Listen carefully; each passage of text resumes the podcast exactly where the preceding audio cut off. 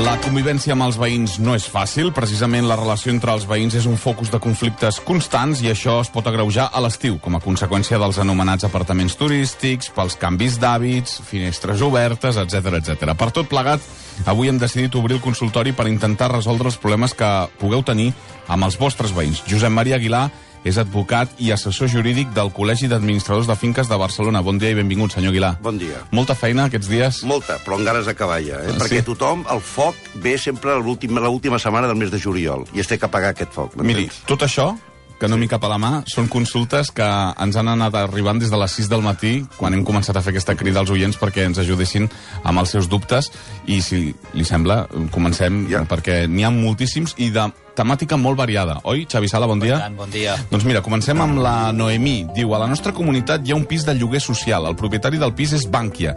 Voldria saber a qui s'han de reclamar els desperfectes a les zones comunes que causen aquests llogaters. Al banc, a l'Ajuntament, que en aquest cas és de Mataró, com que no hi ha un propietari físic amb qui parlar, ens van enviant d'un lloc a l'altre i no ens fa cas ningú. Es pot fer pressió d'alguna manera? Som una comunitat petita, amb jubilats, i ens costa molt poder mantenir l'edifici. El responsable és Bànquia. El fet de que sigui un pis social no vol dir res, vol dir que, degut a que Bànquia té molts pisos, es veu obligat a cedir-ho a l'Ajuntament per un lloguer determinat. Però el qui és responsable sempre de tots els danys que faci dintre un habitatge és el propietari. El Ricard diu que viu a Badalona i fa poc ens han obert al costat de casa una botiga. El problema és que en tancar es posen a fumar porros a la terrassa i alguna nit també fan alguna festa música i ens entra tot el fum, l'olor i el soroll. Això ens ha obligat, diu, a tancar portes i finestres ja que tenim una nena de menys de dos anys i no volem que ho respiri. Si pot fer alguna cosa? Sí, tenen que avisar a Mossos d'Esquadra, Sanitat, sobretot, però els Mossos, amb aquest aspecte, els Mossos Sanitat serà quan es pugui demostrar que allà dintre, la, per culpa d'aquesta activitat, la nena aquesta té una enfermetat o pot agafar algun tipus d'enfermetat. Però si no, en un principi, Mossos d'Esquadra. I el meu consell que tanqui la finestra, perquè quan fumen els porros, perquè tanqui la finestra i que encengui l'aire condicionat o un bon ventilador, a vegades també va bé. Mm, Però es pot obligar a dir, vostè no fumi això. Dintre de casa teva tu pots fer el que vulguis, ara sempre quan tu no molestis a terceres persones. Si tu fumes, però aquest fum a mi em molesta, hi ha dues coses. O tu fumes a dintre i que no em molesti a mi el fum, o jo tanco la pieza quan tu fumis fora. L'Agu- L'Agustí. L'Agustí diu, el nostre veí de dalt té fuites constants d'aigua que no acaba d'arreglar de forma definitiva. Com a exemple, la darrera l'ha arreglat amb, amb semen de balena Què en dius? lloc de canviar la instal·lació. Podem fer alguna cosa més, a part de patir els desperfectes per tal de tenir una solució final? Desconeixia que el semen de balena serveix per tapar una fuita d'aigua. També ho acabo de descobrir jo, eh? El cas és que no funciona, vaja, pel que ens diu aquest veí. Com li entén el semen d'aquesta balena? Suposo que com silicona, no? M'imagino. Ah. No sé, no sé. El, és igual, sigui semen de balena, sigui plastilina. Correcte. Si no aconseguim arreglar el desperfecte, Qui el té que fer? Pues el té, es té que avisar i llavors el té que demandar i aquest senyor ve obligat, ve obligat a reparar les seves canonades perquè les canonades privatives no poden afectar elements comunitaris o a, o a, o a terceres persones. El Rafa, a la nostra escala tenim una veïna que no ha pagat mai la comunitat i ja fa 8 anys i deu més de 7.000 euros. Hem obert diversos monitoris judicials eh, i encara no ha pagat res. Ens diu l'administrador que fins que no tingui una nòmina legal, treballa en negre, no podrem recuperar res i que segurament abans tindrà altres creditors que cobraran primer. Es pot fer alguna cosa sí, més? mira, amb la modificació de la llei, el, el crèdit que deu una, un copropietari dintre la comunitat és un crèdit preferent i passa per davant de les hipoteques i de passa per davant dels bancs. O sigui, el que té que fer aquest administrador o el que té que fer l'advocat que porta el judici monitori és demanar davant del registre de la propietat que aquest crèdit sigui preferent i per tal se, se l'embargui el pis i ja veuràs com aleshores pagarà, perquè si no paga ella, pagaran els bancs. Tenim uns veïns que deixen el gos sol durant moltes hores sí. cada dia i no para de bordar i plorar fins que arriben. Ens ho explica la Jordina. La policia local ens ha dit que si té aigua i menjar no hi poden fer res. Ens fa pena el gos, la veritat. També ens acaba molestant. Com es pot solucionar legalment? Eh, jo saps que ho vull solucionar. Hi ha uns collarets de gossos que quan borden els, els hi donen una espècie de, diguéssim, de corrent elèctric, no corrent, no corrent que no, que el gos, vull dir, deixa de bordar. Llavors jo he tingut comunitats de propietaris que al final la comunitat ha regalat als propietaris aquesta, aquesta correa. Però no es pot imposar. No, no, es pot, però tampoc pots fer tu és molestar-me a mi. I aleshores, en aquest cas de si jo sóc el veí que té Mira, la vida, la, vida, la vida d'una comunitat és convivència, convivència, convivència, i convivència educacional. Quan es perd aquesta educació i es perd aquesta convivència, aleshores ja val tot. 9 minuts per les 11. La Marta pregunta i explica, de fet, que al pis de sota tenim un local on fan jocs de rol en viu fins a les 10 de la nit. Tenen llicència per fer-ho, tot i que van fer una insonorització del 80% del soroll. Encara sentim xiscles, cops i arrossegaments de mobiliari. Ens han dit que compleixen amb la normativa de l'Ajuntament, és a Badalona concreta, i no faran cap més obra, però ens agradaria saber quines possibilitats tenim a part de canviar-nos de pis. Cap, bueno, això és trist, però passa, eh? Moltes vegades decideixes, vull dir, tancar el pis i anar-te'n per tenir una vida més, més platentera. Eh, cap, ningú cap persona pot desenvolupar, desenvolupar una activitat que sigui molesta, nociva, insalubre, il·lícita o peligrosa. En aquesta casa és molesta. Si aquesta activitat és molesta, tu tens que acreditar la càrrega de la prova sempre et correspondrà a tu. Quan jo pugui demostrar que aquesta, aquesta activitat que tu estàs desenvolupant és molesta, el jutge eh, obligarà al cessament d'aquesta molèstia. Un altre de gossos... Eh... És fotut, sí. Sí. En aquest cas, es tracta d'uns veïns, el Dani, que diu que les terrasses estan poc separades i totes les pudors i necessitats sí, dels gossos els hi arriba. Que què poden fer? Sanitat, salut, sanitat. Vull dir, denúncia, sanitat. I amb això són, vull dir, funciona bastant bé, eh? Uh -huh. Trucar directament a Salut. Molt bé. L'Hèctor diu que la seva dona, el seu fill i ell viuen des de fa sis anys a una casa eh, apareada al Maresme. El nostre veí és fumador i d'aquell tabac que fa molta pudor. Creu que és negre, diu, concreta. Nosaltres a la nit amb, el calor, amb la calor obrim les finestres i llavors entra tota la pudor perquè normalment fa una mica de vent. Abans ja ens molestava, però ara diu, amb un nen de dos anys portem temps pensant què podem fer. És el mateix que passava amb la senyora aquella, els senyors que fumaven. Vull dir, clar, és molt trist que tu tinguis que passar calor a casa teva per no suportar el tabac d'aquest senyor. Ara, m'imagino que aquest senyor no es passarà tota la nit fumant, o sigui que al moment que dura una cigarreta pot deixar la porta tancada i també hem de tenir una miqueta de consideració uns i els altres, eh? No? No. Pisos turístics, home, un altre clàssic dels nostres temps. Sí. Soc el president d'una finca molt gran al Poble Nou i hi ha quatre pisos turístics legals i uns 10 mm -hmm. d'il·legals. Mm -hmm. Us voldria plantejar les següents preguntes. Uh, miri, són tres, anem una a una. Es poden apujar les quotes de la comunitat sí. per l'ús intensiu dels sí. elements i serveis comuns? Sí, la llei diu claríssimament que quan una persona desenvolupa d'una activitat comercial o industrial o empresarial, i això és a temps turístics, la comunitat pot acordar que paguin el doble de lo normal.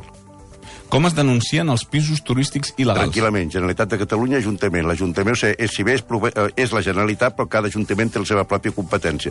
Competència davant d'habitatge de l'Ajuntament i els clausuren a l'acte. Però, a més a més, no solament els clausuren a l'acte, sinó que posen multes coercitives contra el propietari, no contra el llogater, sinó contra el propietari que ha permès o no vigilat que en el seu pis es desenvolupi una activitat eh, il·legal i diu si hi ha molestes continuades, ell posa l'exemple brutícia, vòmits a l'ascensor, sorolls per la nit, la Guàrdia Urbana pot fer alguna cosa? Sí, però la Guàrdia Urbana no se'l pot molestar per tantes tonteries. El que tenen que anar és via judicial i demanar la cessació d'aquesta activitat. I la cessació d'aquesta activitat s'aconsegueix amb la clausura del pis.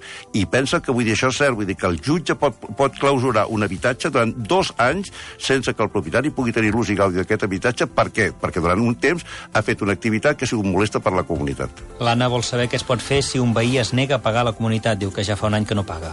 Lògic, requerir-li de pagament i si no paga llavors un judici, un judici monitori, que són dels judicis més ràpids, que inclús el pot portar una persona que no sigui advocat, la pot portar el propi administrador, la pot portar el propi president, i és una, una demanda supercurta, de, diguéssim, de redactar sense fundamentació jurídica, o, o, o bé o paga o bé se li embarga el pis, el pis o el que sigui.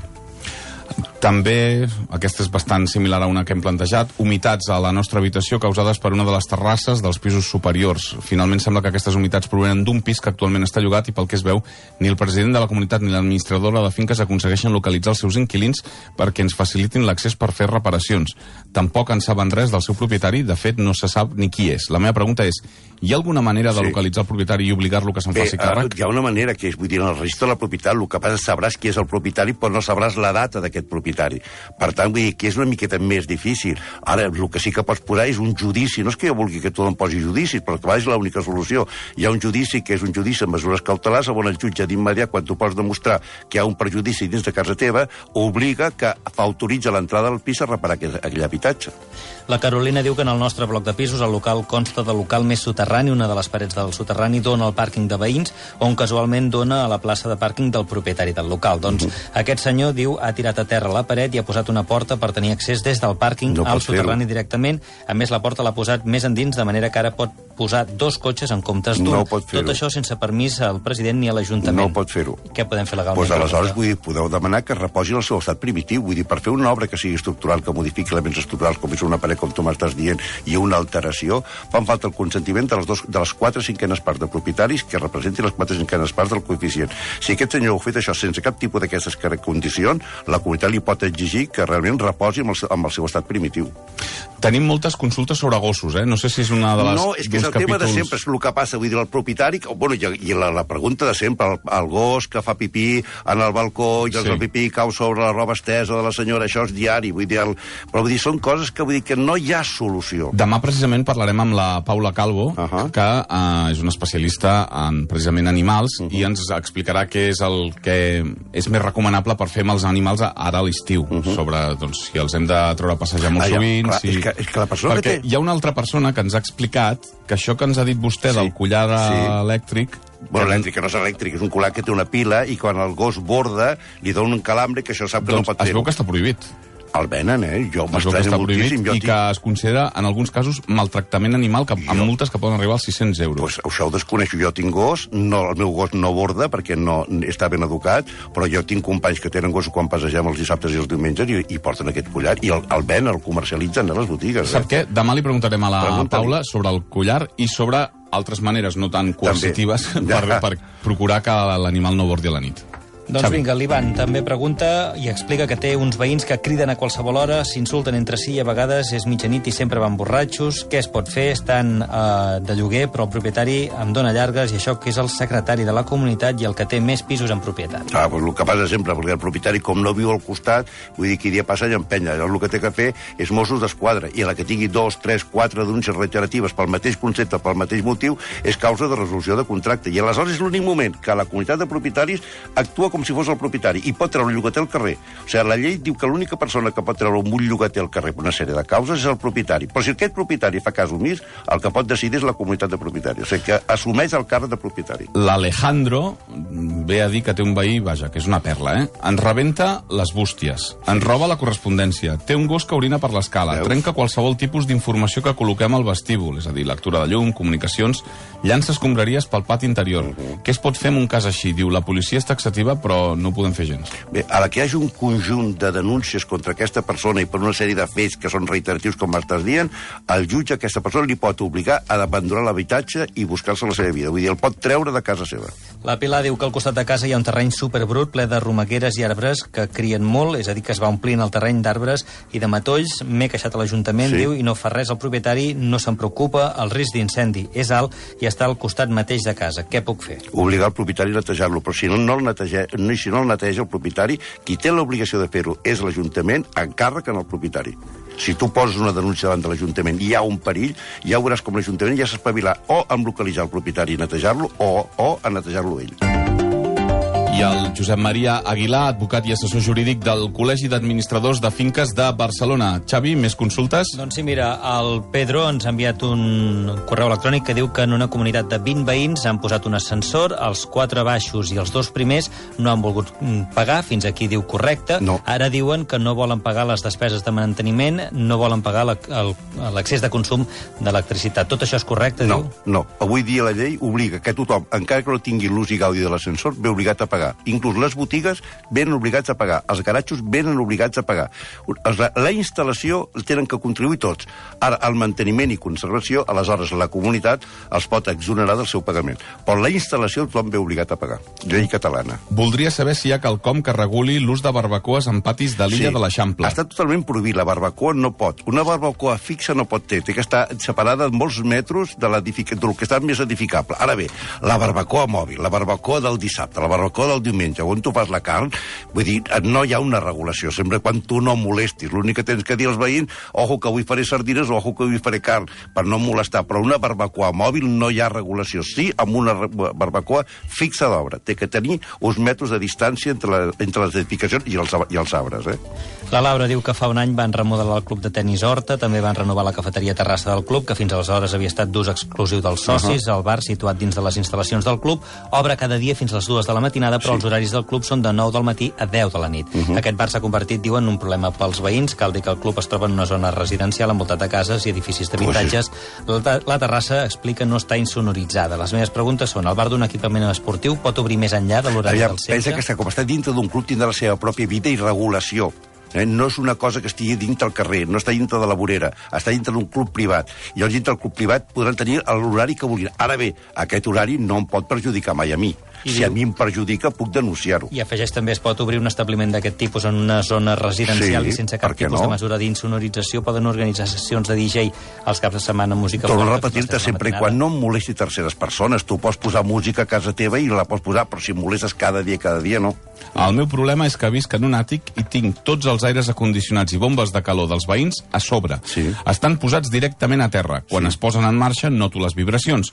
Puc parlar amb la comunitat i obligar a que posin alguna goma per tal que no toqui directament a terra Totalment. i absorbeixi la vibració? Ho pot, no pot obligar, sinó pot exigir. Pot exigir que posin... O si els posen a terra, té que posar el silenbloc, que el silenbloc és una cosa que amortigua. Si realment hi ha tants aparells d'aire condicionat que és impossible que, que no rebi aquesta, aquesta vibració, els tenen que penjar a la paret de la, de la terrassa, o sigui, en el, en el, en el murès de la terrassa, perquè així d'aquesta forma inclús l'aigua pugui transcórrer tranquil·lament i no molesti el pis de sota. Ens ho pregunta el Toni, que diu, a més a més, qui ho ha de pagar. Bueno, cada, cada usuari del, del, del seu... O sigui, perquè el propietari de l'aire condicionat és el que té que pagar... El que Cadascú té que, la seva bomba. Clar, i té que suportar i té que controlar que cada any faci el manteniment.